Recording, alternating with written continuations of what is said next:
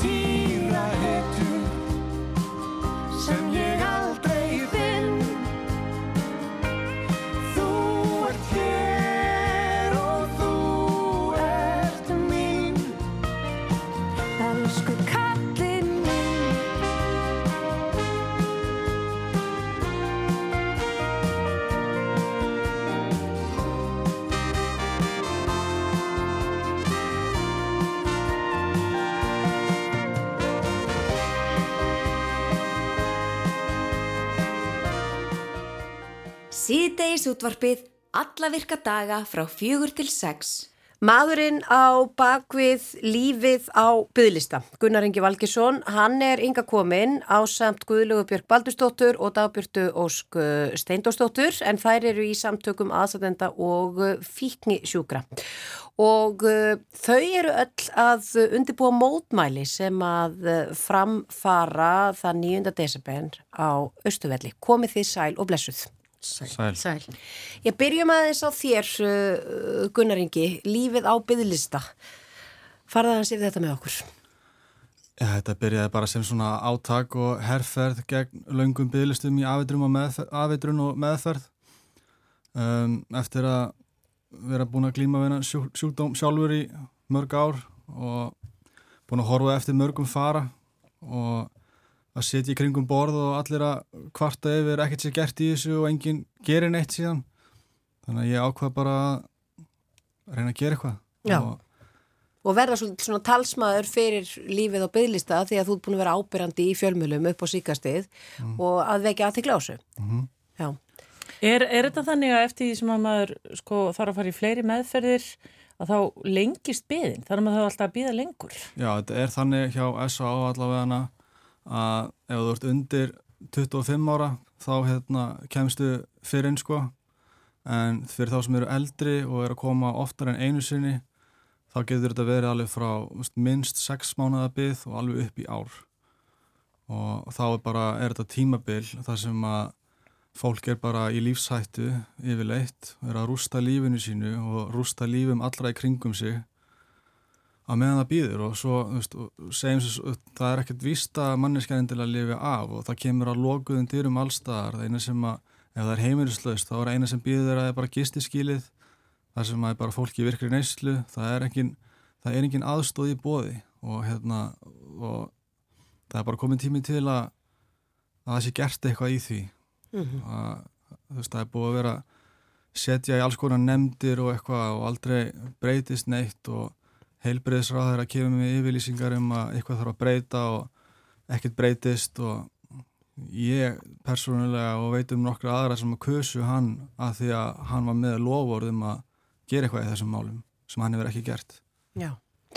Og uh, Stelpur, Guðlaug og Dagbjörn, þið eruð í samtökum aðsatenda og fíkni sjúkra. Já. Uh, Já. Getið þið aðeins sagt okkur ykkar sögu? Ég get sagt að ég byrjaði að skrifa um þessi mál heldur bara 2013 að 14 og all, var alltaf að reyna að vekja máls á þessu að þetta er, það eru allir aðstandendur. Við liggjum all, helsan okkar allar að liggur undir sérstaklega geð helsan en, og þannig ég fór að skrifa um þetta og var alltaf að senda á þingmenn og annars líkt ég fekk stundum ykkur, ykkur svör en afskaplega lítil og litlar undirtæktir ég skrifaði grein í samhjálpablað og kvennablaðið og svo hef ég verið bara töðandi á bloggi á mokkanum. Og ein ykkur stáru til hotning gerir maður ekki neitt en saman erum við miklu sterkari. Minn strákur er búin að vera í neyslu sína á 14 ára og hefur farið sennilega 35 sinni minna á vóð þannig ég ætla nú ekki að taka það að vóið þér taka við sjúklingurum aftur og aftur en það er þessi bygglisti hann til dæmis í júni var hann vísa frá þeirra sótum og var tilbúin að fara. Stutt fallin búin að vera eitthvað í tvei ár og þá átt hann að býða fram í februara þegar eins og Gunnar segir hann búin að vera áður svo oft Og hvað gerir aðstandandi? Segðu okkur aðeins bara, hvernig... Aðstandendunir þeir eh, taka rúndin þeir ringja í eh, inn á okk væla, eh, segja bara að þú veist við erum að deyja, fjölskyldan. Maður sefur ekki eða mjög lítið og það er bara síminn að að lauruglan eða þú veist þeir eru á spýta lauruglan og, og, og landspítalinn bráðadeildin, svo ringi maður sem satt allan rúndin að kanna hvort að sé einhver möguleiki og hvenar er möguleikin að komast inn á hann. Síðan ringi bara á gætdeildina og býður fram að vonandi fara hann í gæður og svo hann komist inn. Ég hef til dæmis farið með minn strák í fangageimslur að því að ég, ég var búin að komast á öllu með hvernig er hægt að koma tróða fólkin þannig ég kerið hann sára saklusan í fangageimslur um miðanótt létt lokan inni til að þeir getur farið með hann á vók en þá var plássið þeirra upptekið þannig að það var ekki hægt. Þannig að maður bara prófar allt.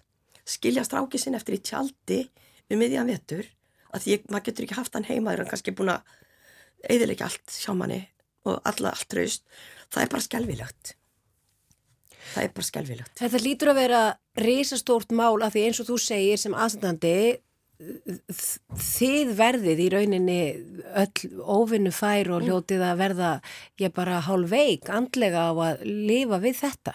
Ég er öryrk í dag. Því meður, ég er búin að vera það í tíu ár og það bara hreinlega, þá veist þetta var smátt og smátt brotna maður niður. Þá veist að ónæmiskerfið það hrundi og allt og hérna, en ég er alltaf til að berjast fyrir þessu. Gef ekki upp vonina? Nei, þegar hún er farin þá maður svolítið illasettur. Þannig að vonin er, þegar hún er eftir þá er maður góður. Já. Og baráttan. Og Dagbjörn, þið eruð í þessum samtökum. Já. Já. Segð okkur aðeins frá því hvernig þú kemur að þessu. Sko, ég segja saman guðlug að þetta búið að blunda í mér í mörg ár hvað ég geti gert. Ég hef komið fram í fjölmjölum áður og með síni mínum. En hérna, ég segi það líka, ég hef komið af lokuðum dyrum og ég hef líka mætt opnum dyrum. Þetta er náttúrulega svo flókin sjúkdómur að, að hérna, þetta er sjúkdómur sem lýsir sig þannig að það má bara búast við bakföllum. Um, ég hérna sem sagt kemur að þessu þannig á að ég er búin að vera að ganga með magunum hvað ég geti gert og fór í viðtalum daginn á stöðtfu í fréttum og sagði frá reynslu minni að ég þurfti að afvatna sinn són minn Sjálf? Já. Hann er búin að vera í dauðaneyslu og píðum og ég er ekki fagmanniska en við vorum búin að reyna að koma honum allstaðarinn og ég er, ég er búin að vera í skóla sem ég kaus ekki útlarði í það að finna úrræði eins og Guðlu segði maður mað bara gerir allt og og svo það hefur búið að brenna á mér sko hvar er allt fólkið úti?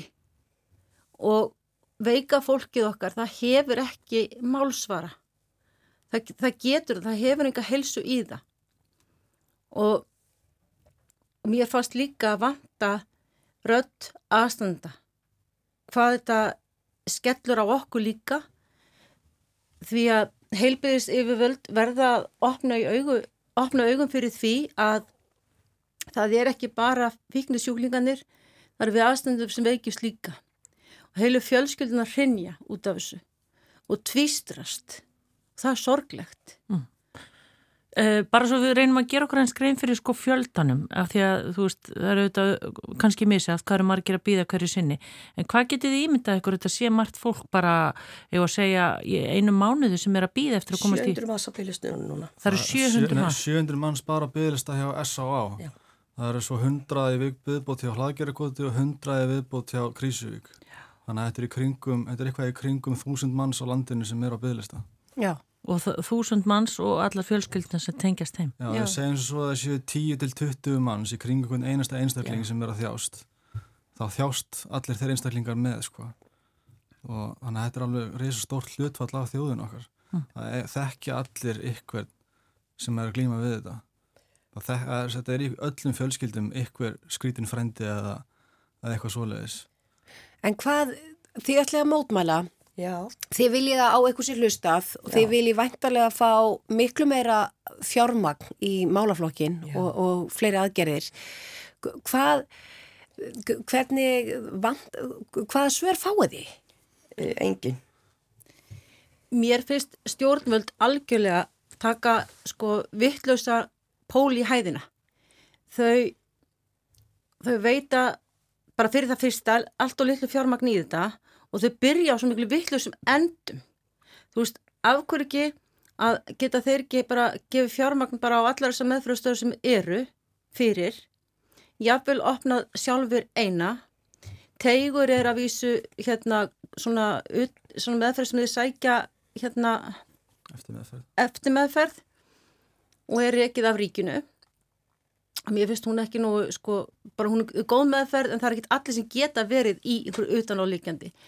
En það sem ég er að segja að af hverju byrjar ekki brunnin áður en allir, þú veist, veikjast, þú veist, það er miklu ódýrara áður en fólk verður öryrkjar, áður en allir glæpinir eru framtir þegar efnin tala, áður en hérna, þú veist, að fólk deyr og, og hérna þú veist, þetta er svo þeir, þeir, þeir sem sagt mér finnst þeir kasta bara króninni og hyrða öyrin ef ég má nota einhverja samlíkingu Mm.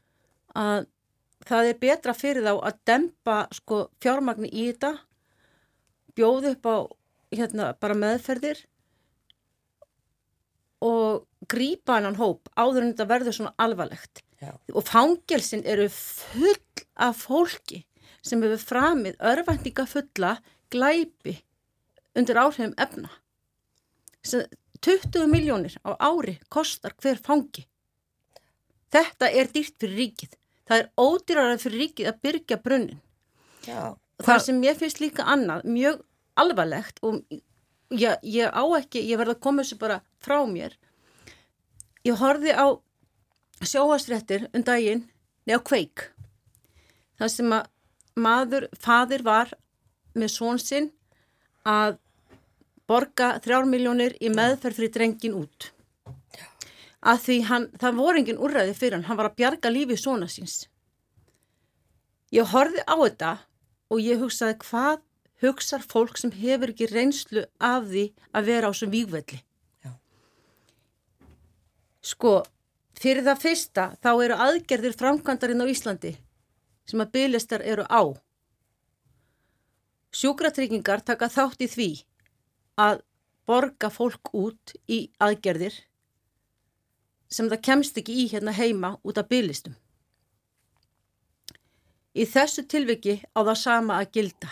já, Ég segi það að þetta fólk fær að gjalda þess að það er með fíknu sjúkdóm. Það fær að gjalda þess. Það er endalus refsi stefna.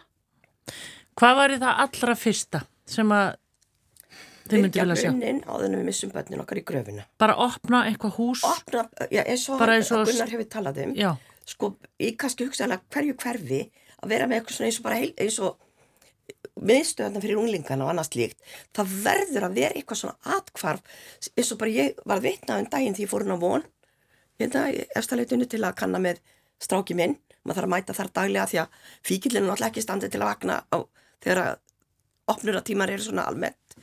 Þannig að þá heyrði ég á tal ungra ungspars, sem hugsaðlega verið að koma bara þjóðháttíð og, og lendi ykkur og þau segja, hvað er það að gera, ef við ekki bara fara tvö upp í sumabústað og taka með okkur líbrium sem er niður tröppuna lif og það veit ég að því að ég er náttúrulega ekki hjúka en ég er, er sjálfmönduð og þau ætlaði að taka með sér líbrium og fara tvö bara þú voru svona einhverju lítil krakkar lítil bara svona unglingar lendi einhverju svona vitlisu þú veist og, og, komist ekki upp. Þetta vil ég grípa. Og náttúrulega að fjölga þeim sem taka fólki af, í afeitrun þannig að sé ekki bara þessi bygglisti á vogi. Já.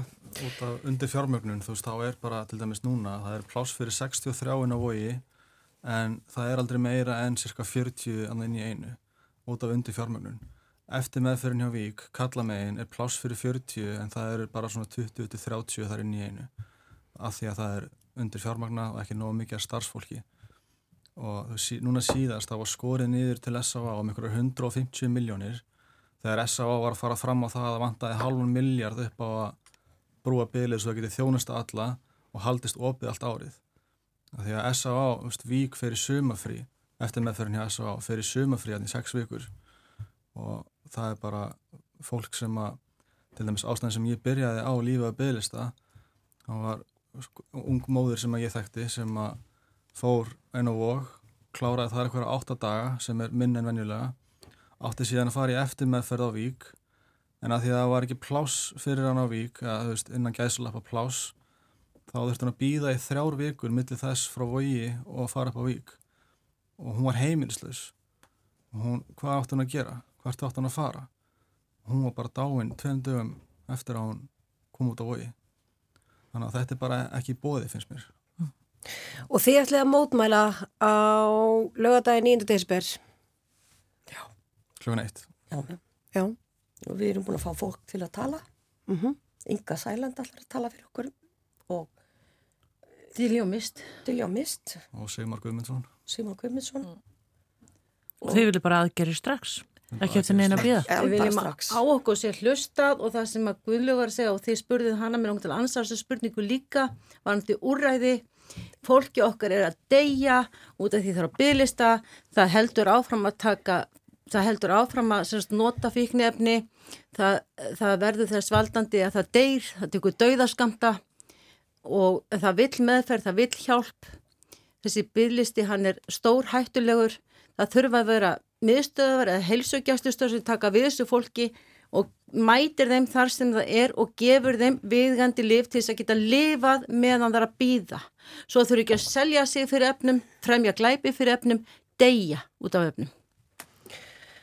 Þar höfum við það. Þetta er sagt uh, á lögadaginn 9. desember klukkan 1 á Östuvelli. Uh, Gunnar Ingi Valgesson, uh, Guðlaug Björk Baldistóttir og Dagbjörk Ósk Steindórsdóttir. Takk kærlega fyrir komuna í síðdegisútubið og, og segja okkur ykkar sögu og gangi ykkur vel. Takk, Takk fyrir kjalla. Við erum Rástfö. Fyrst og fremst með þér.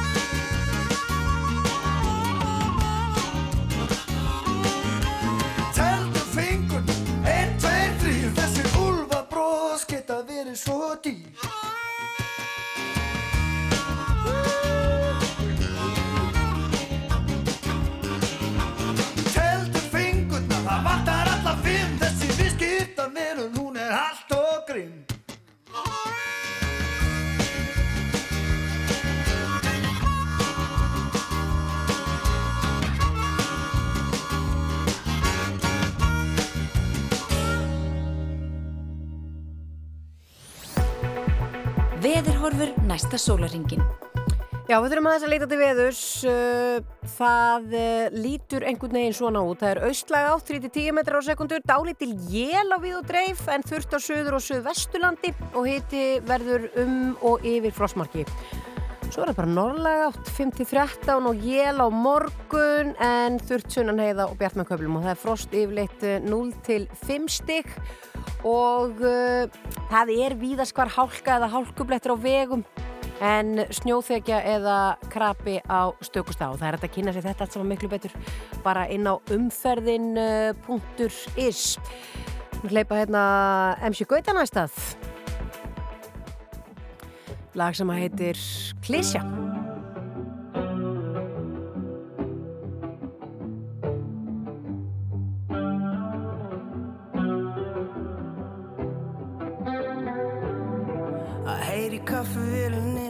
mótið þér með bolla Það gerir mig glaðan, hvað klísja er það?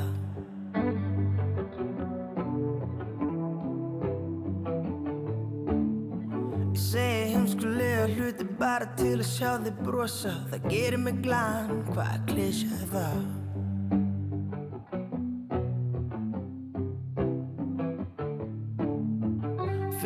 Fyrsti kossin var í kirkjugarð og þá byrjaði nýtt líf með þér Hvað klísja er það?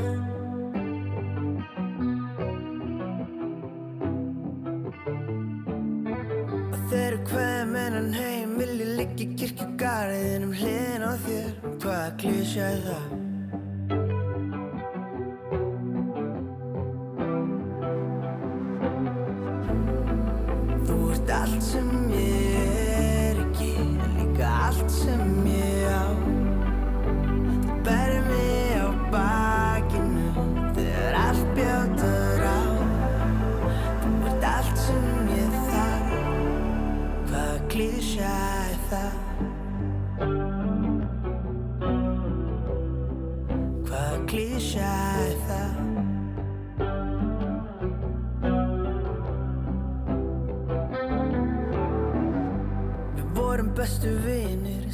Mætti amor og gerðið mig greiða, hvaða klísja er það?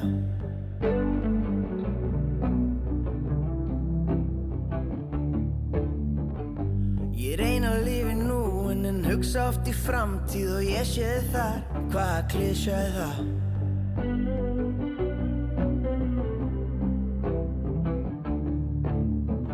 Ég ætla að kissa þig í kirkjun og það byrja í nýtt líf með þér Hvaða klísja er það?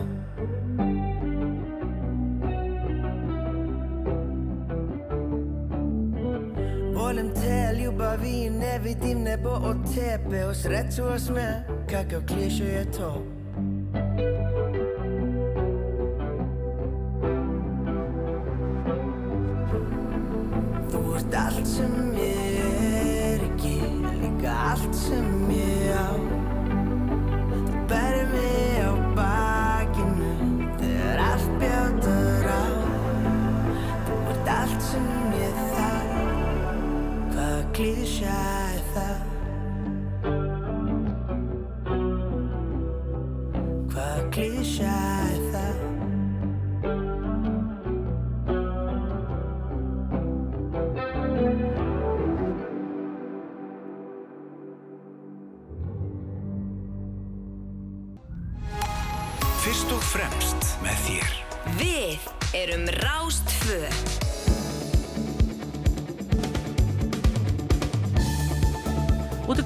bókin að deyja frá betri heimi og þetta er æfisaga Jónasar Kristjánssonar Læknir sem var e, margir tengja við e, heilsuhælið í hveragerði eða Náttúruleikningafélag Íslands og höfundu bókarinnar það er engin annar en Pálmi Jónasson, barnabarn Jónasar, velkomin í síðdegisúttorpið.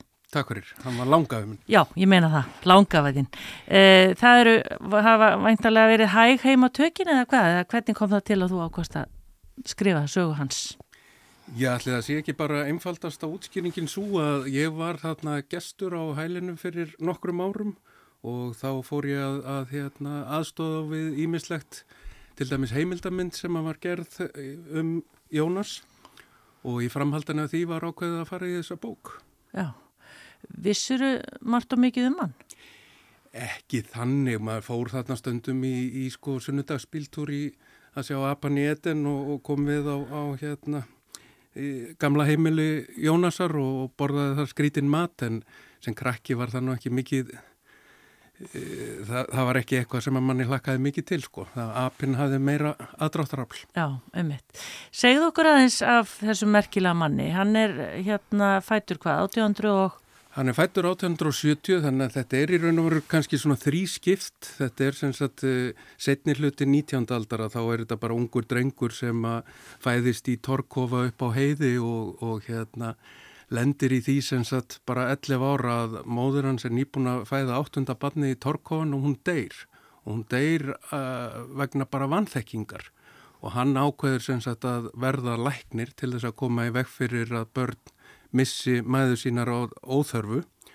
Og þannig að þetta er svona, svona uppvakstarsaga hans í torkónum og þarna koma allar þessar hörmungar hafís árin og, og hérna elgós og þarna er stór hluti þjóðarinnar að ákveða að segja skilið við Ísland og, og flytja, þetta eru vesturheims tímanir og uh, þannig að það er svona þetta hörmungar skeiðin, hann næst svo, næ, hann nærað að hérna brjótast til menta og það, það er 1901 sem hann verður sem sagt útskrifaði læknir. Já. Já, en þú segir, þetta er náttúrulega eins og þú segir, fólk var að fara til Vesturheims á þessum tíma, en þegar að móðurinn deyr frá svona ungu börnum leysist heimilið upp? Já, e, pappans veikist e, eftir þetta og nokkrum árun síðar deyr hann sem sagt líka og þá er búið að ganga frá því í samvinnum við hérna sveitungana að, að þau muni verða áfram á jörðinu og halda búskap en það er svikið og, og jörðin er seld og það fara í allir í fjölskyldunni til uh, Kanada og Bandaríkjana. Já, en hann verður eftir? Hann verður eftir og nær að, að hérna, komast í læraskólan og, og læra og síðan í framhaldinu á læknaskólan í Reykjavík sem var nýstofnaður og já, útskrifast eins og 1901. Já, er hann þá, er hann strax einhvern veginn eh, spentur fyrir svona, svona náttúruleikningum eða hvernig er það? Það virðist vera sko, hann er greinilega rosalega mikið náttúrubann, hann, hann, hans trúabröð eru náttúran og hann sér mjög fljótt að, að hérna, það sem að náttúran býður upp á, það er þetta græðandi afl sem að, sem að hérna, já, græðir, en manneskjan er sem sagt, hefði eigðandi afl. Þannig að hann sér alveg strax að ef að mann borða heilbriða náttúrulegan mat og mann stunda heilbriða útifir og heilbriða hreyfingu, að þá, þá er hægt að koma í vekk fyrir sjúkdóma. Og hann verið sjá þetta mjög ungur en síðan þegar fram í sækir að þá er hann í mjög nánu samstarfi og samvinnu við alla helstu náttúruleikninga páfa Evrópu og bandaríkjana. Já, og var það ekkert litið hotnuga eins og hefur oft verið svona í gegnum tíðina að þetta séu svona tveir pólar? Algjörlega, það voru langmesta andstaða við Jónas og náttúruleikningafélaginu var meðal læknana sjálfra. Árið reyndar, ég þarna, líka bændur voru mjög ósáttur við að hann væri á mótið að mann borði mikið af feitu kjöti en það voru fyrst og fremst læknarnir sem að töldan og það stóð til um tíma að reka nú læknafélaginu því að hans, hans kenningar þóttu bara mjög skrýtnar. Já, þannig að hann hefur verið algjör nagli? Ég held það, já. Og, og hann bara, hann var sannfærður um að, að þessi stefna væri rétt og, og þótt, hann, þótt hann mætti mikill í mótspyrnu að þá leta hann það ekkit á sig fá. Næ, hvernig er svona áðurum við tölum um kannski að hann fer í rauninni all in eins og sagt er á góðir íslensku í þetta þegar hann í rauninni lætur á störfum sem læknir en, en svona fjölskylduhæðinar hans? Já, hann er sem sagt, hann er allatíð bondi eins og, eins og menn voru að þóttu verir þingmaður eða síslumadur eða læknir þá varst alltaf bondi líka þannig að, að hérna hann bara býr með sinni eiginkonu sem stendur þett honum við hlið og þau eiga mörg börn og þau eru með hesta og kýr og kindur og geitur og hænur og all, allan fjandan sko. Og hvar? Í... Hann er sem sagt, fyrst er hann sko héragslæknir á fljótsdalsýraði sem er svona stór, stór hluti Östurlands, þetta voru alveg risavaksin læknisýrað og síðan flytur hann sig yfir á Söðakrók og það er ekki bara Söðakrókur heldur, það er risastort svæði sem hann hefur sem sagt líka. Mm -hmm. Uh, síðan eins og þú sagðir okkur hérna áður við hófum viðtalið að það er eiginlega eftir hann hættir og hættir sem læknir sökum aldus sem hann fer algjörlega inn í þetta fag, náttúruleikningar. Já, hann er, hann er í raun og veru búin að búa þessar kenningar sem læknir að, að, hérna, að hans læknis aðferð er felst mikið í að breyta mataræði hjá fólki og láta það reyfa sig. Yfirleitt þegar hann kom í húsa þá var það fyrsta sem hann gerði var að sparka út gluggum bara til að hleypa reynum lofti inn. Þannig að hann var, hann var búin að berjast fyrir þessu en, en uh, æfistarfið sem sagt með stopnun náttúruleikninga félags Íslands og, og síðan byggingu heilsuhælisins í hveragerði að þess, svo formlega vinna hún gerist öll eftir hann hættir starfsæfinni líkur þegar hann er 70 mm -hmm. þá fer hann í að stopna náttúruleikningafélagið og, og byggja upp heilsuhælið í hveragerði. Já, þannig að hann er, hann er mikil frumkvöðl. Hann er al, algjör frumkvöðl sko. En, en af hverju hveragerði, veistu það? Var það tilviljun eða? Nei, það er, það er heitavatnið því að þetta gengur mjög mikið út á, út á hérna, ekki bara reynlæti heldur líka baðlækningar sem eru enn mikið stundar í, í hveragerði og þar, þar eru sundlög og þar eru vikslböð og heitipottar og kaldipottar og menn fara í leirböð og þetta var algjört líkilatriði fyrir eh, helsuhælið að hafa aðgangað heitu vatni og helst hverum En að því að þú sagðir það að þú hefði sjálfur farið þarna á hæli fyrir einhverjum uh, árum og, og farið að unna, vinna heimildar, aðstofa við heimildar myndagerð og svona leiðis er ennverð að vinna eftir bara þessu grunnstefum sem að hann uh, bjóð til á hælinu? Algjörlega. Þetta gengur, gengur allt út á uh, hotl, hotlan mat og grænmyndisfæði, uh, mikið reyfingu, þú leggst ennþá í, í steift baðkur með hérna, heitu hvera vatni og þú ferði vikslböð og, og baðlækningar og nutt og allt þetta sem hann bóða á sínum tíma. Þetta hefur þetta aðeins breyst með tímanum en, en grunnhugmyndin er alveg enn til staðar og, og margt sem er enn í notkun núna hálfröld síðar sko. Já, en af því að hann var langafiðinn, Pálmi, var fjölskyldan upptikinn af þessum kildum? Varstu, ertu alin upp í því að það borgi svona að hérna, lifa heilbröðu lífverðni? Já, þú veist, það, maður vissi alltaf af þessum kenningum og, og hluti af þessum kenningum hérna síðust, síðust inn svona í gegnum, gegnum mataræði og íþróttæðkun og annað en, en ég ætla nú ekkert að ljúa því að ég hafi verið einhver heilsugúr og allt mitt líf. Nei, bor, borðar alveg feitt kjött. Já, já. Hvernig gekk er með eins og til dæmis myndir, var þetta mikið að myndefni sem þú skreiti bókina með? Já, já, það, það er til umtalsverta myndum og, og hérna, ég man nú ekki hvort það eru 70-80 myndir í bókinni og það sem kom kannski á óvart var í raun og veru hvað var til miklu meira af heimildum um Jónasen við gerðum okkur grein fyrir í upphafi já. Og allskynns brefa, söpn og svona personleir hlutir sem, a, sem að var hægt að nýta við gerð bókarinnar. Mm -hmm. Hvað með því sjálfan ertu að fylgja bókin eftir? Ertu að fara við það og lesa eða? Ég hef farið í nokkur viðtól og ég held ég hef lesið eitthvað 10-15 sunnum upp á, á, á svona hér, hér og þar þannig að jújú jú, þetta er svona öðru kóru. Já, þetta er stór hópur sem tengist svolítið þessu viðfánsefni bæðið þetta meðlimir í náttúruleikninga félaginu og svo náttúrulega bara allir sem fara til dæmis á heilsuhæli. Já, það komið til dæmis á óvart að náttúruleikninga félagið er ennþá mjög virt félag og það eru 2000 félagsmenn sem komir já, skemmtilega og óvart að það væri enn svona öflug, öflug starfsemi þar og, og það er hátt í, hátt í samatala sem að rúlar í gegn í, hveragerða ári hverju þannig að jú, það eru margir með beina tengingu við Jónas og félagið. Já. Pæli hvað við erum heppin, það er bara hálsbreyt frá því að Jónas hefði farið vestur og ekkert af þessu hefði gerst. Einmitt, mm. já. Til hamingjum með bókina Pálmi Jónasson að deyja frá betri heimi, æfisaga Jónasar Kristjánssonar Læknis og langaðins. Takk fyrir komuna. Takk fyrir mig.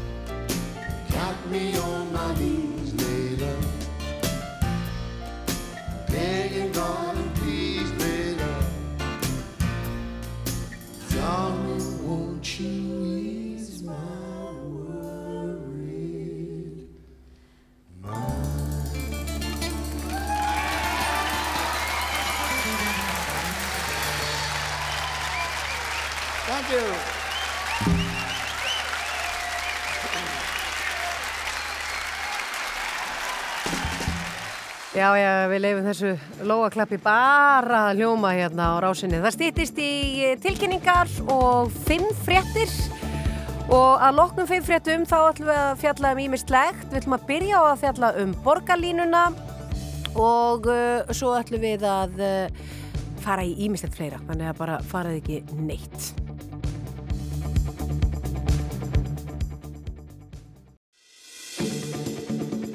Þú ert að hlusta á síðdeis útvarpið á Rástvö.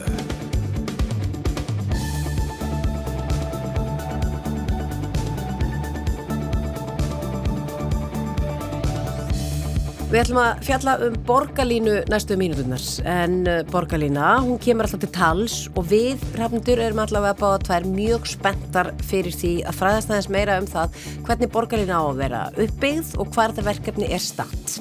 Og við höfum fengið til okkar tvær góða konur, það er Ástís Kristinsdóttir, hún er fórstöðum að verkefnastofu borgarínu og Bryndísi Friðriksdóttur.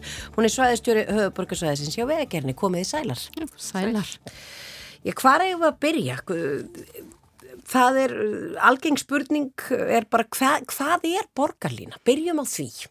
Já, borgarlínan eru, uh, eru liðvagnar sem er bara aðeins lengri vagnar en þessi hefðbundu strætór sem við keira á göttunum í dag. Uh, en það sem gerir þetta kerfi öðruvísi en strætókerfi eru þetta bara að við erum að útrýma kannski öllum svona flöskuhólsum og töfum í kerfinu með því að hafa það á sér akreinum. Við erum líka að byggja upp stöðvar sem verða öðruvísi en við þekkjum í dag. Strætóstöðunar eru, er verða þannig að þetta líkist kannski á liti meira lestastöðum. Þeir sjáum svona rauntíma upplýsingar að það eru tvær myndur í næsta vagn eða eitthvað. Tíðnin verður meiri og að því að við erum að byggja stöðvar fyrir þessa vagna þá, þá verður aðgengi fyrir alla. Það verður ekki þrep þannig að fólk getur komið með barnavagna eða á hjólastólum eða gungugrindum og, og á að eiga greiða leið um borði í vagnana.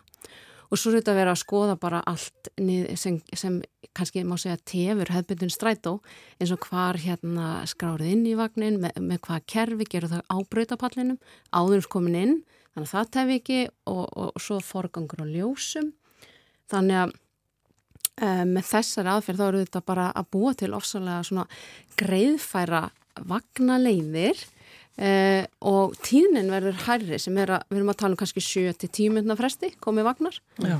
og það er sjálfum sér, bilding fyrir marga. Ömmit og ég sá inn á kynningavefin og Reykjavíkuborg að það, þetta eru sko 125 farþega vagnar, bara við Já. bara samsamum okkur eða svona berum þetta saman við vennilega strætó. Já, þeir eru svona 40% stærri Já. heldur en vagnarnir sem er í dag. Og Svo það- bættum við tíðnina Já. og þá eru við þetta komið rosalega öflugt og gott, uh, góða þjónstu.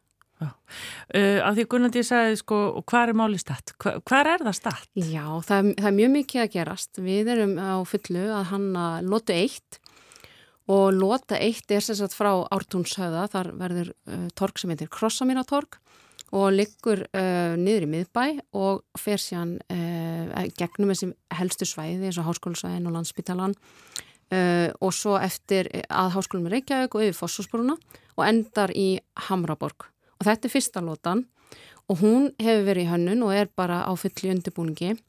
Og þetta tekur kannski lengri tíma en margur geti haldið, þetta er gríðalega flókið. Og reynda mjög spennandi líka sko. En, en þetta þú veist, það er verið að breyta aðalskipulagi, það eru 40 deiluskipulög, það er umhverfismat eh, og það þarf bara þegar að vera framkvæmið svona inn í borg þá er þetta, bara ofsalega flókið og það þarf mikið samráð við íbúa og sveitafjölein og það er margir sem þurfa að koma að þessu Mhm. og hafa auðvitað, það er alls konar sjónamið sem þarf að skoða. En hvernig gengur það, uh, það samráð? Það gengur bara mjög vel. Við vinnum mjög, í mjög góðu samstarfi við sveitafjölun eins og er, er þetta aðalega Reykjavíkuborg og Kópavóur sem að við erum að vinna með það því að lota eitt er þar. En þetta eins og Ásti segir, þetta er í, að ímsum sem þarf að huga, það er fullt af uppbyggingareitum líka á þessari leið en það er þetta farið gegnum kannski það svæði þar sem mest uppbygging mun eiga sér stað núna á höfborgarsvæðinu fyrir íbúðir og þjónustu. Já, maður sér víða í borginni að það er verið að búa til svona agreinar eða já, svona aðreina fyrir strætó. Er þetta eitthvað svona forstig uh, borgarlínu sem verið er að gera? Sko við höfum í gegnum árin og áratugin að vera að búa til það sem við kallum forgáðsveina fyrir strætó og það má sjá það til dæmis á miklubrötunni. Þar er, höfum við verið að búa til búta bara eftir hvernig plássið er til staðar til þess að hleypa strætó aðeins fram fyrir röðuna en í borgarlínunni erum við að horfa á þetta á helstaðum leiðum. Þannig að þetta með ná í gegnum gatnamót sem okkur hefur ekki tekist í dag að því við höfum ekki haft plásið til þess og eiginlega þar sem að við höfum rými og höfum þetta þar sem við köllum kjörsniði þá viljum við frekar hafa borgarlínu í miðjunni en ekki út í köntunum eins og strætórinnar er í dag. Já. Og, og það er bara til þess að tryggja betri forgang í gegnum gatnamót, passa það að almenna umfinni sé ekki taka beigur, hvorki til hægrinni vinstri yfir borgarlínu leðirnar til þess að tryggja öryggi allra ferðamáta. Já. Já, og þá er eh, líka þá vantarlega hugsunni svo að farþegar geta farið út báðum einn. Já, og í rauninni þetta henda mjög vel þar sem er byggðbækja vegna og fólk er að koma á stoppustöðuna sikkurum megin. Já, þið talaður um að þetta var lota eitt. Já. Hver er lota tvö? Hvert á, hvert á borgarlína að fara? Hversu, hvertu stórt svæði mun hún þekja og hvernig mun hún svo harmonera með öðrum almenningssamgöngum? Já, hún, hún tegir sér nú, eh, þetta er náttúrulega fyrir höfuborgarsvæðið í heilsinni, þannig að leiðirna liggja upp í Mosó, það liggur leið upp í Hafnafjörg gegnum Garðabæn, uh, það er auðvitað leið alveg í efsturbyrður Kópos, út af Seltjarnanes, en kannski númur á nota nú er vera að, að hérna uppfara sáttmálan, samgöngu sáttmálan og það bara verið að, að skoða tímalínur og, og lengt tímalína, þannig að kannski nota tvö er kannski nota tvö í dag og svo er bara forgangsröðun sem að ræði því kannski svolítið og, og hvernig verkinu vindur fram hvað verður næst í framkvæmd En hvað er flóknast? Bara svo getum útskýrt það aðeins.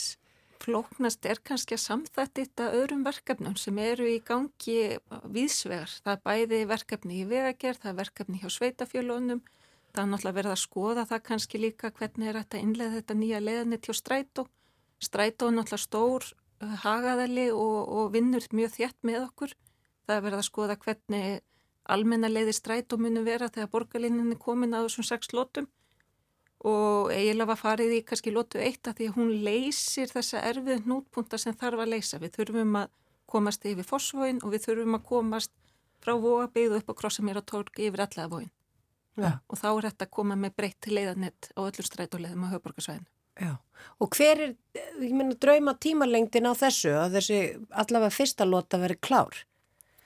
Á Erfiðasta morgun Já. sem Já, stórti spurt. Auðvitað, það er rosa meðbyr með verkefninu og, og, og kannski finnum við bara helst fyrir að, að fólk vill flýta þessu. Fólk, það, eru, það eru mjög margir eh, sem býða bara mjög spenntir eftir að fá borgarlínuna. En það er náttúrulega tventaverkið er, er, er umfangsmikið og það verður raski í borginni og eins og Bryndis var að benda á þá er ekki raun og veru að hægt að setja alla borginni uppnáma sama tíma og það þurfa ákveðnir uh, vera búið að leysa ákveðna flöskuhálsa áður nú kannski hef, hefur framkvæmtir annar staðar þannig að um, það pingar þetta að svara þessu nákvæmlega núna meðal annars út af því að það er verið endur skoða tímalínunar í uppfæsli sáttmálans. En ef allt gengur upp? Ef allt gengur upp bara, já... Þetta er mjög Það flókin skal- spurning Já, að því Það maður er svo Innan mörg tí- tíu ára? Já, já, Já, já, tíu klárlega innan tíu ára. Já. En svo er þetta nú líka það. þannig að við erum kannski reyna að einbytta okkur á því það sem eru mest að tafir í dag, minna fyrsta sem við erum að skoða í rauninni er kannski fórsósbrún og tengingin hjá HR og þar eru mikla tafir og umferð í dag þegar skólinn er að byrja á hætta. Aha. Þannig að við myndum koma strætó á forgansveinar þó það séu reyna fyrir borgarlínu þá getur strætó byrja að nota þér strax.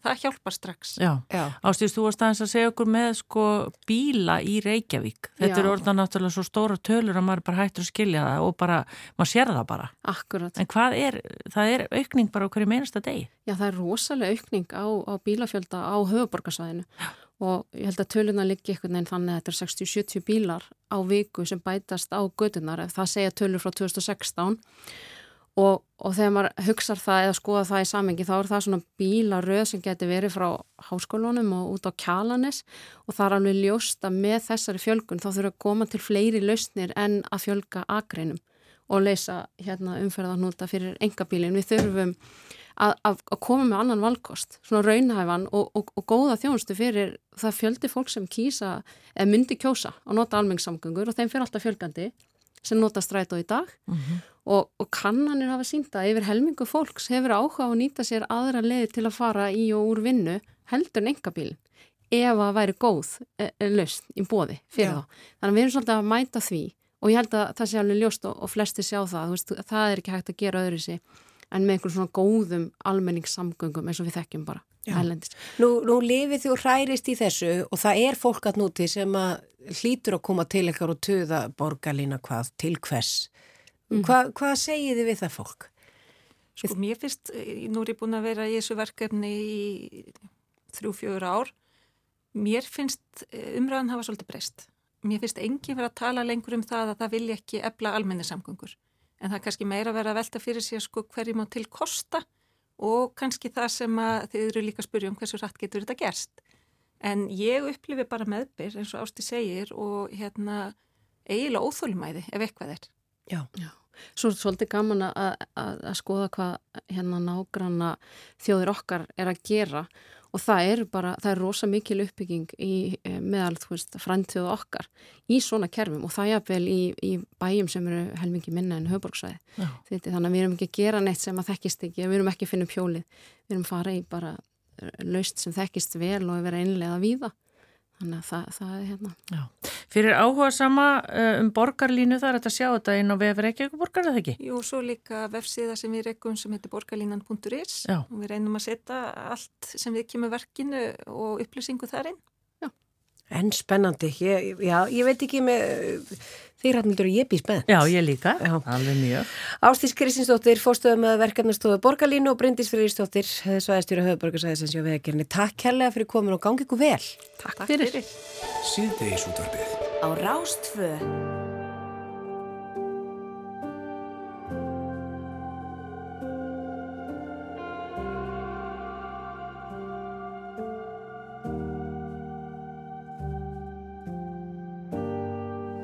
Slow burn.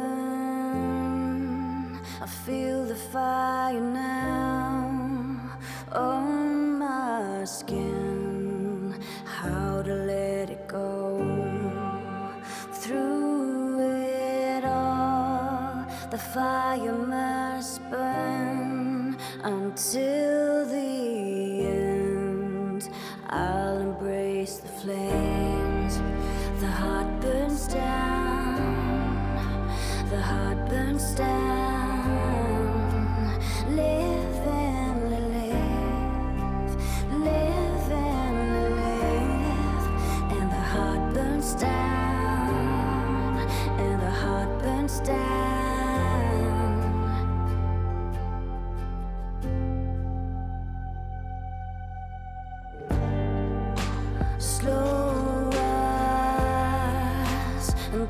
with the flames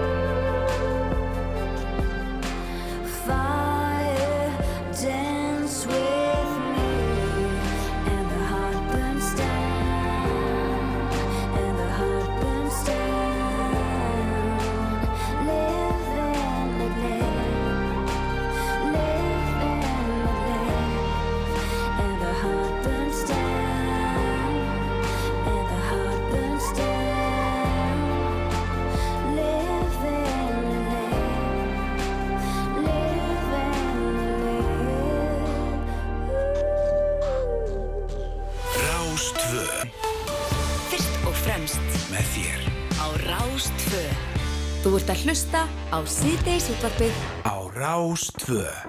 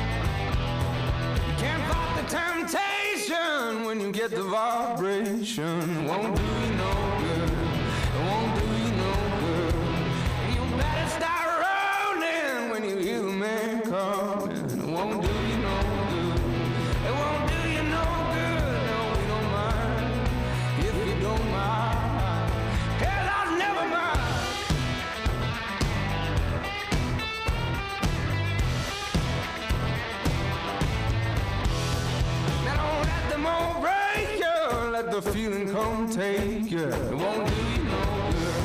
It won't do you no good. And you know I got fever. So when you hit me right,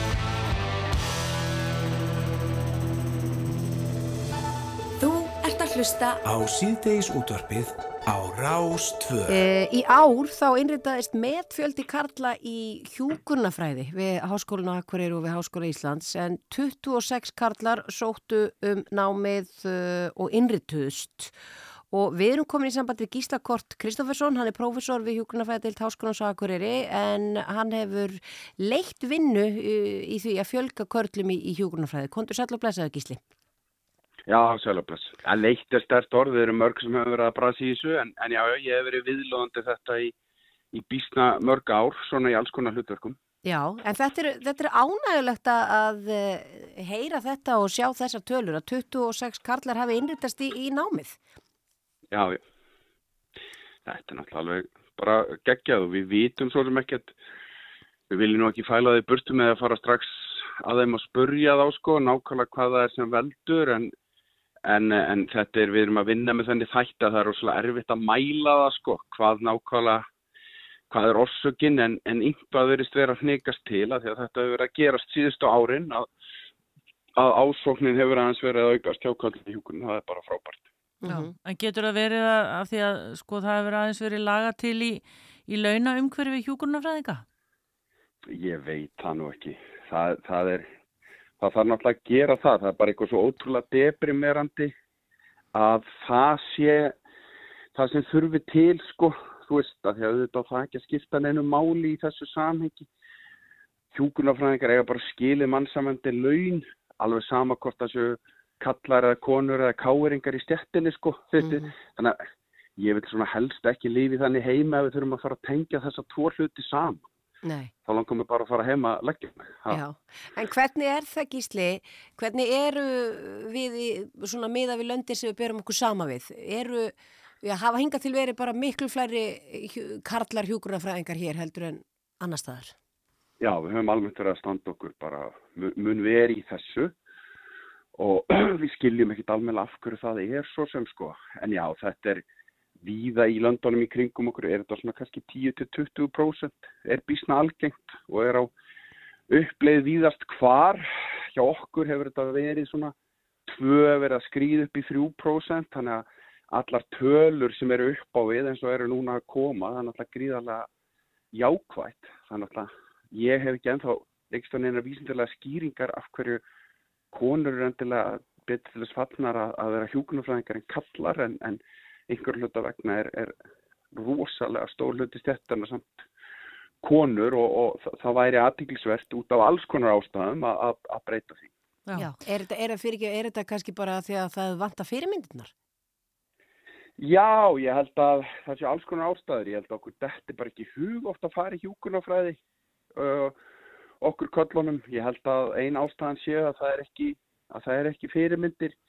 Uh, ég, ég held að þeirra að þeirra svona fög tengjast einhverjum ákveðnum hlut og þá eins og til dæmis þarna þá er svo, þetta er svo rosalega stór og sterk hvernastjætt að, að köllum bara dettur einfallega ekki hug að þeir fari og halda að séu góðar ástæður fyrir því að séu ekki kallar í hjúkunafræði ykkur svona, svona ástæður sem, sem valdi því að þeir mun ekki plumma sér þar sem ég held að sé ekki, alls ekki rétt ég held að séu alls konar aðrar ástæður fyrir því Já, en er, hvernig er náminu háttað? Er, er hérna indökupróf eða þarf maður að ná fyrsta árin eða hvernig, hvernig er þessu námi háttað?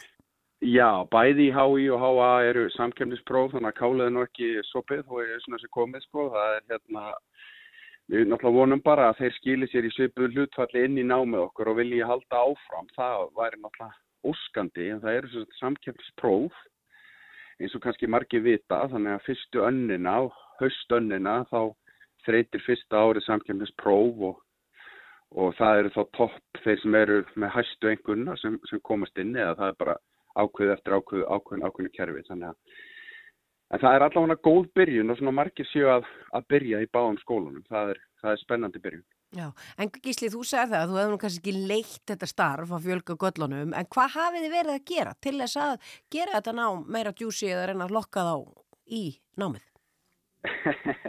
ég held að námið sko standala fyrir sínu og sé bara að við þurfum að gera það enda meira djúsi sko heldur er það, er það kannski miklu og ekki endilega bara út af því þá sko en ég, ég held að það, það, eru bara mörg verkefni til dæmis hefur landsbytalinn leiti mjög skemmtilegt verkefni sem fólsti því að sína tíundabekkingunum aðeins kall, strákunum í tíundabekk hvað fælst í því að vera hjúkunafræðingur Við höfum verið að fara í framhaldsskólan alltaf öðru kvoru, við höfum verið með kynningar á ólíkum stöðum, við höfum verið að, að, að hérna, vinna í gegnum félag íslenska hjúkunafræðinga, gera kannanir og, og styðja við kalla í hjúkurinn og ólíkan hátt, þannig að það er alls konar ólíkir hlutir sem við erum að gera. Síðan erum við að vanda okkur í náminu líka að vera ekki með útilokkandi tungumál, vera með búningsklefa bara fyrir strákana sem hefur stundum klikkað Uh, alltaf þetta jæja stelpur og allt þetta sem kemur líka. Það eru bara alls konar litli hlutir. Uh, námsefni þú veist sé þannig miðað frekar af, af einu kyninu en öðru og svo framvegis og svo framvegis. Og þannig að við höfum verið að, að hérna, vinna með þessa hluti núna síðust ári gegnum bæði íslensk verkefni og eins og ég segi samnorran verkefni uh, gegnum landsbítalan í alls konar, alls félagisleika hjúkunarfræðinga þannig að það eru margir sem eru með þetta hérna þetta jobb með okkur sko að vinna í þessu. Ég og, og Eitís Kristi Sveinbjörnundóttir sem er professor í HÍ höfum verið að vinna mikið að þessu innan hjúkunarfræðideltana á samt öðrum. Þannig að það eru, það eru, það eru margir sem hafa áhuga á þessu Já, það eru allir að leggjast á eitt Já, já Það er gott að heyra. Eh, Gísli Kort Kristoffersson, professor við Hjúgrunarfæði til Táskróns og Akkurir. Takk fyrir að vera á línni hjá okkur og við segjum bara áfram kallar í Hjúgrun. ok, takk fyrir. Bless.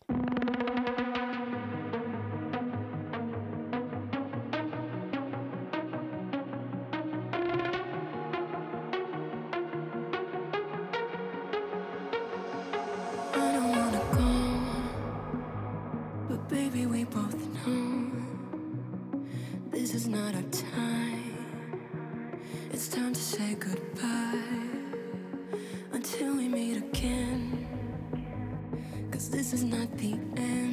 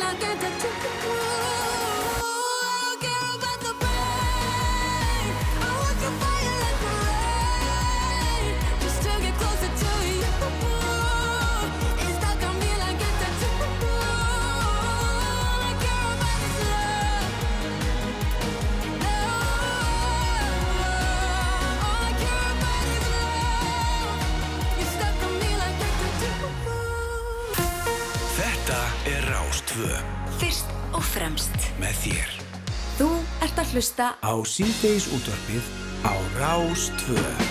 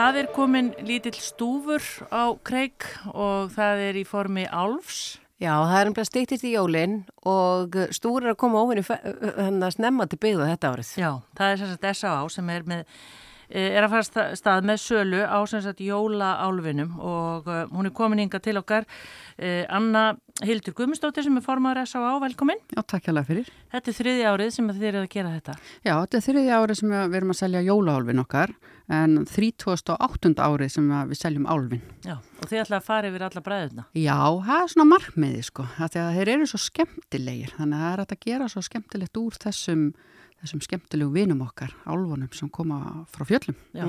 Og hefur ekki verið tekið vel í þetta síðustu ár? Alltaf rosalega vel, þannig að þetta er svona smá öðruvísi sala, þó að þetta sé þetta í grunninn álfasala, Mhm. þá er svona gaman að breyta honum svona, þú veist, í, að gera hana einhverju sem að tengist svolítið bara sögun okkar.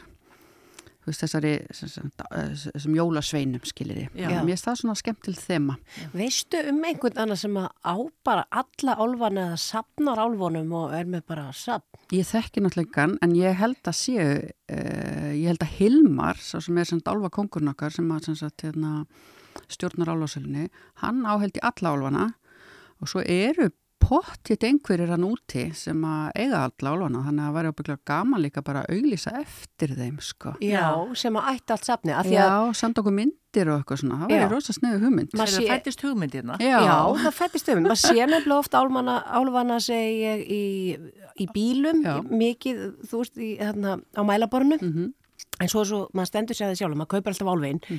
Svo endar þetta einhver staðar í dótinu hjá krökkunum, þannig að svo finnum maður þetta, þetta grefst staðar með pleimaköllum eða eitthvað. En maður á, þetta er ekki skipulega á þessu hjá manni. Nei, nei, en, en einmitt margir setja þetta á, á dashboardið á, á, í bílnum eða Mhm. hengja þetta, ég setja því ég stend sjálf svo oft og, og er að selja fyrir fram að ríki heima ákveðir, þá ser maður þetta hanga hérna í, í speklinum sko, Já, já. þannig að mér finnst það líka skemmtilegt. Segðu okkur bara hvað þýðingu slíkt hefur fyrir samtök eins og S.A.A. Sko, uh, þetta hefur bara mjög mikla þýðingu því að það vantar alltaf fjármagn. Uh, fjármagnir frá ríkinu uh, dugar ekki fyrir reksturinnum í raun, sko. Þannig að þetta, þetta framtak að sapna tvisar ári bara skiptir okkur rosalega miklu máli. Líka bara til þess að við getum þá veitt auka þjónustu. Til dæmis uh, sálfræði þjónustan fyrir börnin, börn alkoholista, uh, það er algjörlega fjármagnað á okkur. uh, Mhm. við höfum verið að fjármagna meiri hlutana lof meðferðinni, þess að ópjóða fínt meðferðinni, það, það, þessi peningar færi það.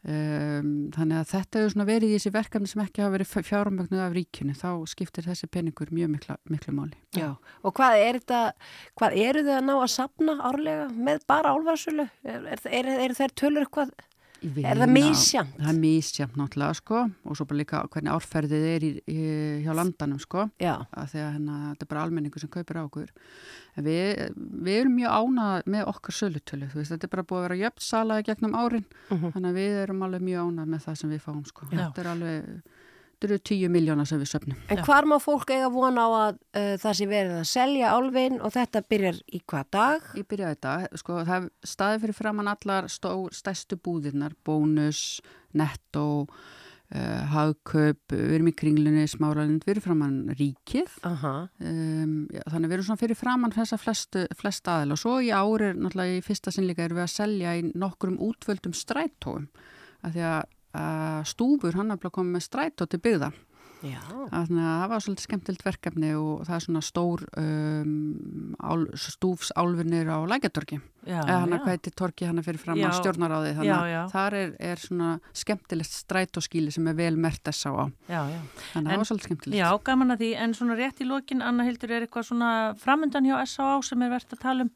Eru þið bara, eins og ég segir, að halda svolítið áfram ykkar starfi? Já, við hefum bara verið líka svona kannski að, að hérna, ný, nýjungin hjá okkur er að við erum komin á samfélagsmiðlana og höfum verið að, að svona fett okkar fyrstu skrefin á Instagram sem er svolítið skemmtilt og verið að búa til reels og, og hérna svona vera með smá vitundavakningu þannig að annars erum við bara alltaf í vinnunni á gólfinu og bara erum að þjónusta fólk og, og vildum svo gjarnan geta gert meira sko. En, hérna, en fjármagnin er náttúrulega alltaf, það vantar alltaf pening. En, hérna, en við erum samt rosa bjart sín fyrir framtíðina. Já, ekki vanþörfu á aðstöðar líka svona í, í desember, það er nú kannski svona mánuður sem að... Já, desember getur verið mjög þungur fyrir marga, þú Já. veist, þannig að það er bara rosalega mikilvægt að við höldum velli og það er bara mikilvægt líka að fólk átti sig á því bara hvers mikils virði það er að hafa meðferð, að fólk komist í meðferð og aðgengja meðferð á Íslandi er alveg óbáslega gott þó að það séu bygglistar. Já, að þá er samt með að við margar aðra þjóðir þá stöndum við okkur mjög vel. Já, þannig að við segjum bara við hlustendur, takkið vel á móti stúfi jólaálfinum þetta árið. Anna Hildur Guðmundsdóttir, eh, formaður S.A.A. Takk fyrir komin og gangi ykkur vel um helgina. Takk hérlega fyrir.